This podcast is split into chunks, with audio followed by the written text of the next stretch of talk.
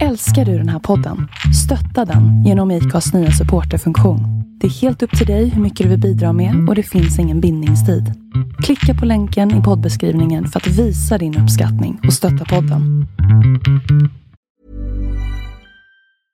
I'm Sandra, and I'm just the professional your small business was looking for. But you didn't hire me because you didn't use LinkedIn jobs. LinkedIn has professionals you can't find anywhere else, including those who aren't actively looking for a new job but might be open to the perfect role, like me. In a given month, over 70% of LinkedIn users don't visit other leading job sites. So if you're not looking on LinkedIn, you'll miss out on great candidates like Sandra. Start hiring professionals like a professional. Post your free job on linkedin.com/achieve slash achieve today. Planning for your next trip? Elevate your travel style with Quince. Quince has all the jet-setting essentials you'll want for your next getaway, like European linen, premium luggage options, buttery soft Italian leather bags, and so much more. And it's all priced at 50 to 80% less than similar brands. Plus, Quince only works with factories that use safe and ethical manufacturing practices. Pack your bags with high-quality essentials you'll be wearing for vacations to come with Quince. Go to quince.com slash trip for free shipping and 365-day returns.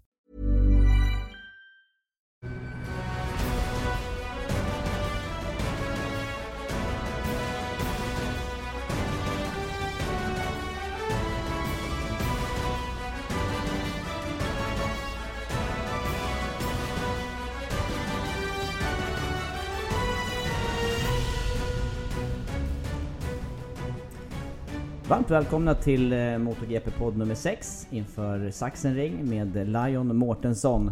Jag kan säga att för egen del så har jag knappt eh, hämtat andan och pulsen har krupit ner så sakteliga till vilopuls efter en fantastisk racehelg på Assen. Jag vet inte Andreas, eh, han du reflektera någonting under eh, loppet vad som egentligen hände där framför våra ögon? Nej, knappt faktiskt. Det var ju ett eh, fantastiskt race och det är kul att vi fick ett sånt här riktigt bra race. Vi har fått många bra race i år men det här var ju något utöver det vanliga faktiskt. Mm, det är väl så också med, med bra racerbanor generellt att de skapar möjligheter till bra lopp. Och sen var det ju det med väderfaktorn som, som var en eh, viktig del i det hela under hela helgen egentligen. Ja visst var det då, men speciellt under racet när de här dropparna kommer ungefär 7-8 varv kvar. Jag, jag sa i sändningen också och eh, jag trodde det också när, när Rossi hade en sekund att nu har han punkterat det här racet. För han, i torra förhållanden skulle han inte släppa tillbaka det, det var jag helt säker på. Men, men så kom de här stänken och då är det alltid problem att leda. Mycket lättare att ligga bakom och, och se vilket tempo den framförhållande, framförhållande håller. Och, och Rossi ledde, han, ja, han blev ju uppkäkad direkt den här sekunden han hade och de andra kom ikapp direkt. Ja, och läget inför Assen där var ju att eh, Maverick Vinales ledde VM för Andrea Dovizioso. Och eh, hur gick det för Vinales då under själva racet? Ja det gick ju ganska knackigt. Han gjorde en ganska knackig start, tappade Pedrosa i starten och sen tog det lång tid innan han kom upp i, i fältet så att säga. Sen låg han femma men bara ett varv och sen kraschade han ju i chikanen. Och han såg snabb ut, både han och Dovizioso hade nog kommit ifatt gruppen framför. Nu gjorde Dovizioso det ändå med hjälp av lite droppar men, men eh, Vinales såg stark ut. Men det höll bara till chikanen och han vurpade bort sig väldigt, väldigt kostsamt. Men han ska å andra sidan vara oerhört tacksam att inte Dovizioso körde på honom. För det var, jag har sett bilderna efter det där, det är så, så, så nära hans eh, hjälm. Mm. Och Dovizioso var fullt fokuserad på sin egen linje överhuvudtaget. Så han, han reflekterar knappt över kraschen där. Och det är väl, kännetecknar väl de, de eh, eh, mest erfarna, rutinerade förarna att de, de kör sitt race eller sin linje oavsett egentligen vad som händer. Ja, han kan ju inte titta på vad Vinales gör för fel, det hinner ju inte se. Men sen såg han ju att Vinales låg. Han tog ut vänsterfoten för att försöka gira lite åt vänster. Och han lyckades med det ytterst lilla han gjorde och det räckte för att undvika Vinales. Annars kunde det gått riktigt, riktigt Vi har sett sådana där uppe förr och det vill vi inte se igen. Nej. Ja, en eh, racehelg alltså som eh, bjöd på det mesta vädermässigt och eh, även under kvalet med upptorkande förhållanden ledde till att eh, Johan Sarko tog sin första pole position. Och det såg också riktigt lovande ut för honom vidare sen under eh, racinginledningen. Mm, det gjorde det. Han eh, drog iväg ett bra tempo första, andra varvet. Sen åts den luckan in igen av Marquez som inte ville släppa iväg Sarko. Och eh, sen ledde Sarko ganska länge innan de andra började attackera och då hade inte Sarko riktigt det sista att ge. Jag vet inte om han han blev nog lite ehm, störd av regnet, dels. Men sen så vet jag inte hur hans bakdäck höll riktigt. Han körde ju på det mjuka bakdäcket och var det enda i toppgruppen som gjorde det också. Kan vara att de började upp också lite samtidigt. Det var ju alltså Sarko, det var Marquez, det var Rossi och det var Petrucci i den här eh, tätkvartetten. Och en, eh, om vi var in, imponerade av eh, Valentino Rossis race så var jag lika imponerad av Petrucci för han var snabb både första halvan av loppet när det var torrt och han var riktigt het när det började droppa och det har vi sett förut också mm. honom. Det passar honom verkligen när det börjar bli sådana ja, halvdant väder och det såg faktiskt, jag, jag tyckte Dovizioso såg väldigt stark ut med bara kanske 4-5 varv kvar. Men sen, sen så gick eh, Petrucci upp i ledningen och de drog upp ett högre tempo. Rossi gick förbi igen och då fick de två en liten lucka till, till Marquez och Dovizioso. Sen anslöt ju även Crutchlow den, den klungan. Mm, ja, det var, det var ett race som eh, i princip täcker in en säsong spänning, tycker jag. Alltså jag, jag var helt fascinerad utav eh, ja, vi var helt... utgången och, och ja, egentligen hela uppbyggnaden fram till finalen där. Ja, vi var helt slut efter racet. Alltså det var ju, det var... Ja, det var en rejäl urladdning som de bjöd på. Det var kul att få se ett sånt här riktigt, riktigt bra race. En sak som, som, på, som kan ha påverkat utgången, det var ju det här med eh, flaggvakter och eh, varvade förare som det var länge sedan vi såg i ett MotoGP-lopp. Ja det var det. Både Barbara blev ju först varvad och sen Lorenzo och eh, Ja, först var det Rins då och sen var det, var det Lorenzo. Lorenzo och Barbara höll sig undan. Lorenzo höll sig undan bra. Barbara var lite i vägen men inte så att det gjorde speciellt mycket. Men däremot Rins var ju väldigt mycket i vägen. I kurva 7 ja, 6-7 kurva 6-7 mm. mm. Och det Efter var framförallt för Petrucci då? Ja, speciellt för Petrucci. Och det, det ska man komma ihåg att varvningar är... I nio fall av tio så är det bättre att varva någon först. Ehm, och komma som nummer två och varva någon, det är alltid lite svårare. För då, då vet inte den varvade föraren riktigt var han ska ta vägen även fast det låter lite konstigt för att har man blivit varvad en gång så borde man veta att det ligger någon bakom till. Men det, det, man topp, tappar alltid lite Känns det som, eller oftast om man ligger tvåa i en klunga istället för att varva någon först. Och det drabbade Petrucci den här gången och det är ju inte bra. Vi såg ingen blå flagg, Petrucci såg ingen blå flagg. Vi har inte hört vad Rins har sagt. Han har inte sagt någonting om just den här incidenten och, och nej, Tråkigt att det skulle avgöras på det sättet för det blev egentligen avgörande. Han fick en halv sekund där Rossi och det klarade inte riktigt Petrucci ta igen innan sista chikanen. De var ju nästan jämsides över, det skiljer ju bara några tusendelar eh, eller några hundradelar över mållinjen sen så att hade inte, hade inte Rins varit i vägen där så hade Petrucci kunnat utmana på ett helt annat sätt, det tror jag. Sen är det inte säkert att det räckte ändå, för Rossi såg riktigt stark ut och han såg ut att han ville vinna det här racet. Mm. Men eh, jag tänker för eh, Petruccis eh, del där, reaktionen efter sa väldigt mycket i alla fall. Han var ju inte nöjd med den här andra platsen och, och jämför man då med hur det såg ut på Mugello för några veckor sedan så, så var ju det som en seger. Men här, här var det verkligen här var det en stor förlust för Petrucci. Ja men det var det. Och det var det ju även efter kvalet. Han ville gärna stå i pole position, han gjorde inte det. Han kvalade in på en tredje plats istället. Och nu så kände han segerns sötma men, men eh, det, det räckte inte riktigt hela vägen för Petrucci denna gången. Det gör ju i alla fall, eh, utgången utav den här helgen gör ju att eh, mästerskapet tajtar till ytterligare. Och eh, Andrea Dovizioso tar sig upp i VM-ledning. Han har 115 poäng, det är 4 poäng till Vinales, det är 7 till Rossi och det är 11 till Marquez. Sen är det Pedrosa då som inte riktigt lyckas dra nytta av att Vinales går omkull som är 28 poäng bakom. Men topp 4 alltså inom 11 poäng. Ja, katastrofhelg för Ja, dels Vinales såklart men även Pedrosa. Det var ju ja, han, riktigt, riktigt risig helg för hans del. Får inte upp temperaturen i de blöta förhållandena. Eh, hade hyfsat tempo under racet, tyckte han själv, i torra förhållanden. Sen började det droppa lite grann. Temperaturen i bakdäcket gick ner och sen hade han inget fäste kvar överhuvudtaget. Och eh, nej, katastrofhelg för hans del. Det var, det var länge sedan man såg så här mycket jojo-resultat på olika förare, olika fabrikat. Det, det, svänger verkligen fram och tillbaka här. Och, ja, det är 10 race kvar att köra. Ett som bara är eh, en, eh, några dagar bort på Sachsenring. Och sen då är det sommaruppehåll och sen andra halvan utav året. Kan man, eh, kan man egentligen förutse hur fortsättningen kommer att vara? Nej, det kan man inte. Eh, väldigt oförutsägbart mästerskap men det är de fyra skulle jag tro. Jag tror inte Pedrosa orkar riktigt. Det känns som att hans han, är väldigt stark när det funkar för honom och när det funkar för hans hoj. Eh, men sen är han också väldigt svag när det inte funkar och jag tittar på, eller jag tänker speciellt då på nu i helgen och i Mugello till exempel när det verkligen inte fungerar. Han blir 13, 14, 12 bara ta några ynka poäng och, och, det duger inte om man ska slåss om ett mästerskap. Då känns det mer som att det är de fyra i täten just nu som, som, eh, som kommer göra upp om det och hur det kommer sluta dem emellan. Det är tre fabrikat. Det är olika banor som passar de här. Om vi tittar på, på nästa racehelg på, på eh, uh, Sachsenring så är Marcus otroligt stark. Där kan Pedrosa också vara med å andra sidan. Och sen så helt plötsligt så kommer vi till, eh, och sen är det Benoit emellan, där är det lite oklart vem som är starkast. Men sen, sen kommer vi till Red Bull Ring där Ducati fullständigt dominerade förra året. Kommer de göra det i år eller inte? Det vet vi inte. Det kan vara någonting med, det, det kan ha att göra med vingarna till exempel, att de är borttagna. Att, att eh, Ducati kommer ha en sämre helg där. Men, men de kommer, eller sämre, de kommer inte ha en dålig helg på Red Bull Ring. Så starka som de var förra året. Och det känns som att det kan pendla hur som helst. Ja. Ja, Red Bull Ring det är i alla fall klart eh, effektkrävande bana. Rejäla, eh, långa raksträckor och, och, dessutom stora nivåskillnader där som, som gör att eh, Ducatin, eh, jag tror att de kommer vara starka där oavsett vingar eller ej. Men eh, om vi tittar eh, inför nästa racehelg då på Sachsenring eh, som i sig har en väldigt speciell banlayout och sen har man då lagt eh, ny asfalt till den här säsongen också. Mm, det har de gjort och det är en väldigt speciell bana som du säger. Det är vänstervarv, det är bara tre högersvängar på hela banan. Eh, först i kurva 1 och sen i kurva 3 och sen har vi högersvängen i vattenfallet också nerför backen där. Men jag har kört på Sachsenring väldigt, väldigt mycket. Jag har kört två GPn där till exempel och eh, även tre IDM. Så att, en bana som jag kände till väldigt väl men otroligt annorlunda.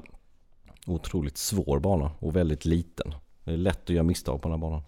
Går det att sätta fingret på vad det är som gör den så, så svår då i det här sammanhanget? Det är svårt att hålla linjen. Det är mycket acceleration liksom upp för backen, jag tänker ur, ur mega kurva 3.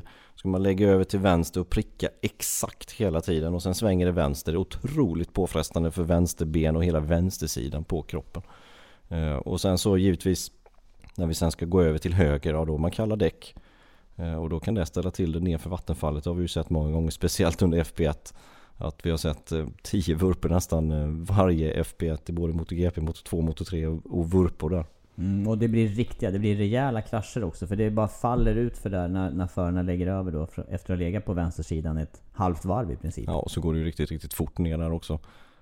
Jag var där 2006 och körde i 250 på den tiden, men då körde Casey Stoner. Han körde för LCR Honda det året och han var ju rätt känd för att vurpa, kan man säga det året. Stod där på warm-upen och han drog omkull där nerför vattenfallet. Han kunde inte köra racet sen för han var skadad efter det. Men vilken vurpa han gjorde, bara hojen bara tumlade runt och det går riktigt, riktigt fort ner mm, Ja, det är ett av de absolut häftigaste ställena att se MotoGP cykla på. I övrigt så går ju den banan relativt långsamt med, eh, med GP-mått, men, men det partiet är, det är häftigt. Ja. Eh, vädermässigt då, eh, det var väldigt svajigt här på Assen och det är det ofta. Eh, det kan vara rätt så föränderligt väder även eh, på Sachsenring. Mm, det kan det vara. Det ligger ganska högt upp och så ligger det i ett industriområde också. Det ligger jättekonstigt Sachsenring. Det är ingen vanlig bana när man kommer dit. Och depån är också uppdelad på, på olika sidor av banan. Eh, först har man boxarna på ena sidan och sen så har man då hospitality-området på andra sidan. Förra året var det Marquez före Crutchlow med eh, Andrea Dovizioso som eh, var på pallen här. Och eh, om man då koncentrerar sig på Marquez så har ju han både varit på pallen och överst på pallen sen 2010, alltså sen 125-karriären. Mm. Helt otroligt. Han har alltså en seger 125. Sen direkt efter så har han två segrar då i Moto 2 och sen har han fyra raka segrar i MotoGP. Alla år han har kört MotoGP så har han vunnit på den här banan. Så han är ju givetvis en favorit.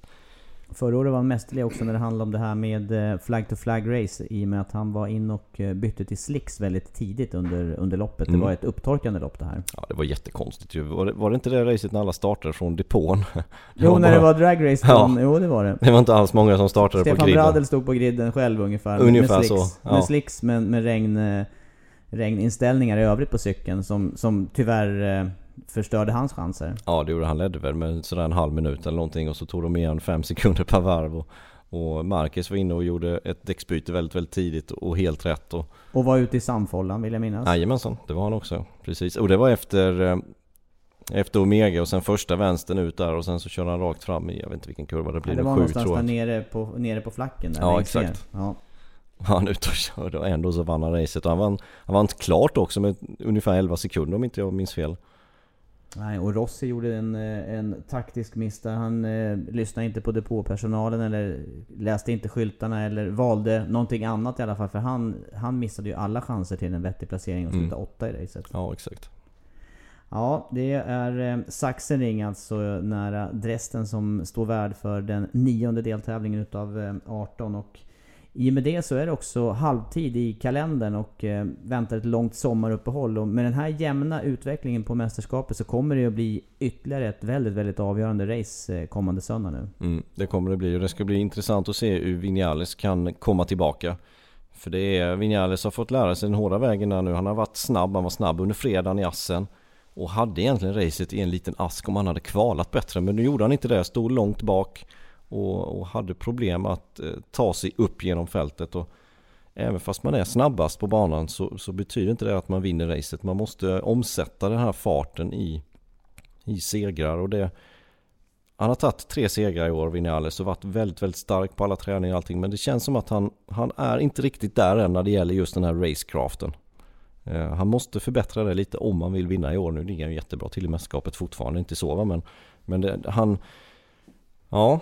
Ja, det är det vi har efterlyst här hela året. Och se hur han faktiskt fungerar i en eh, skarp situation också. En man mot man kamp. Nu hann han ju inte riktigt dit här den här eh, senaste raceserien innan, innan, han, innan han gick omkull. Men jag är också spänd att se vad Vinales gör i man mot man kamp mot Marquez eller mot Rossi eller mot ja, Dovizioso då som ligger mm. bäst till i mästerskapet. Mm. Ja, det, det, känns som att han måste studsa tillbaka lite nu och göra bra resultat och inte bara vara snabb.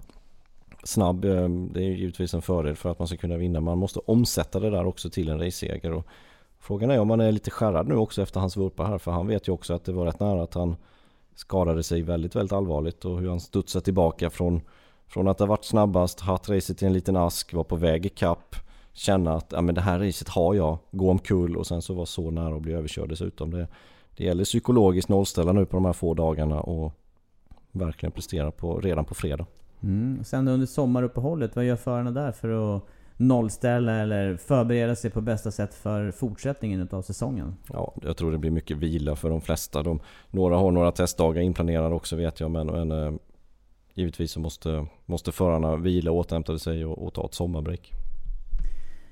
Viktigt med eh, vila och inte minst då med eh, dubbelrace. Assen, Sachsenring och sen eh, efter sommaruppehållet också då direkt Brno och sen eh, tester dessutom på måndagen efter och därefter Red Bull Ring Österrike. Så att det är, det är intensiv avslutning innan sommaren och sen så kickar hösten igång lika intensivt. Mm, ja det gör den. Det ska också bli intressant att se Rossi här nu hur han kan bygga vidare på sin fart. Sachsenring har inte varit en superbana för honom historiskt sett. Eh, sen blir det kul att se om han kan kan göra liknande resultat. För så som vi såg Rossi i helgen. Det var länge sedan vi såg Rossi så stark. Det var egentligen i Le Mans och, och där var också en teamkamrat väldigt starkt såklart. De hade ju sista varven uppgörelsen.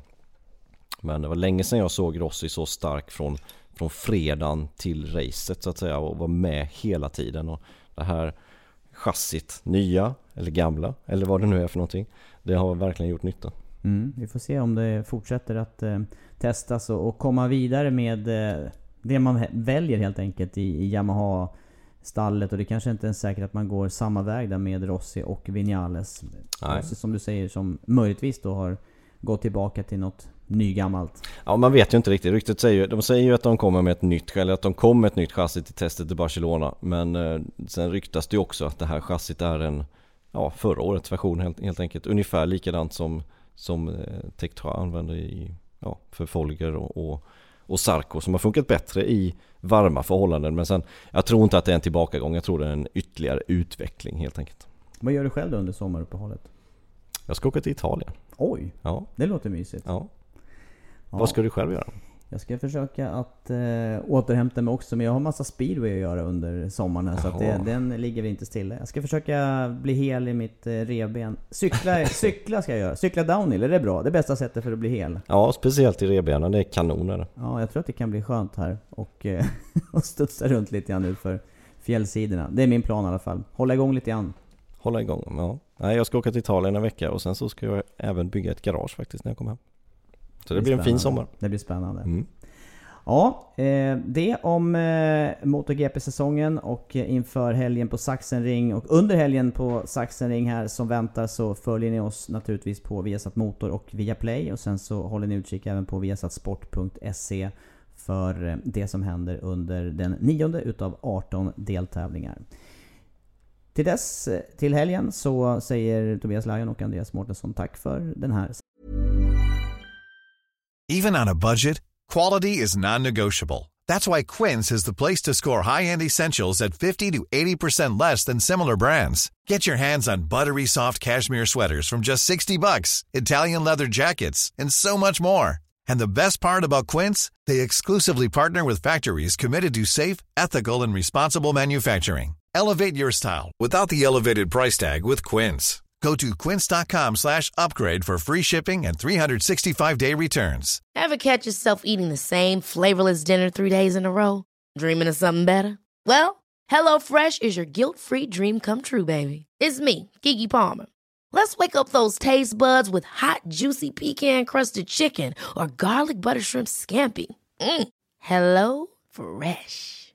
Stop dreaming of all the delicious possibilities and dig in at HelloFresh.com.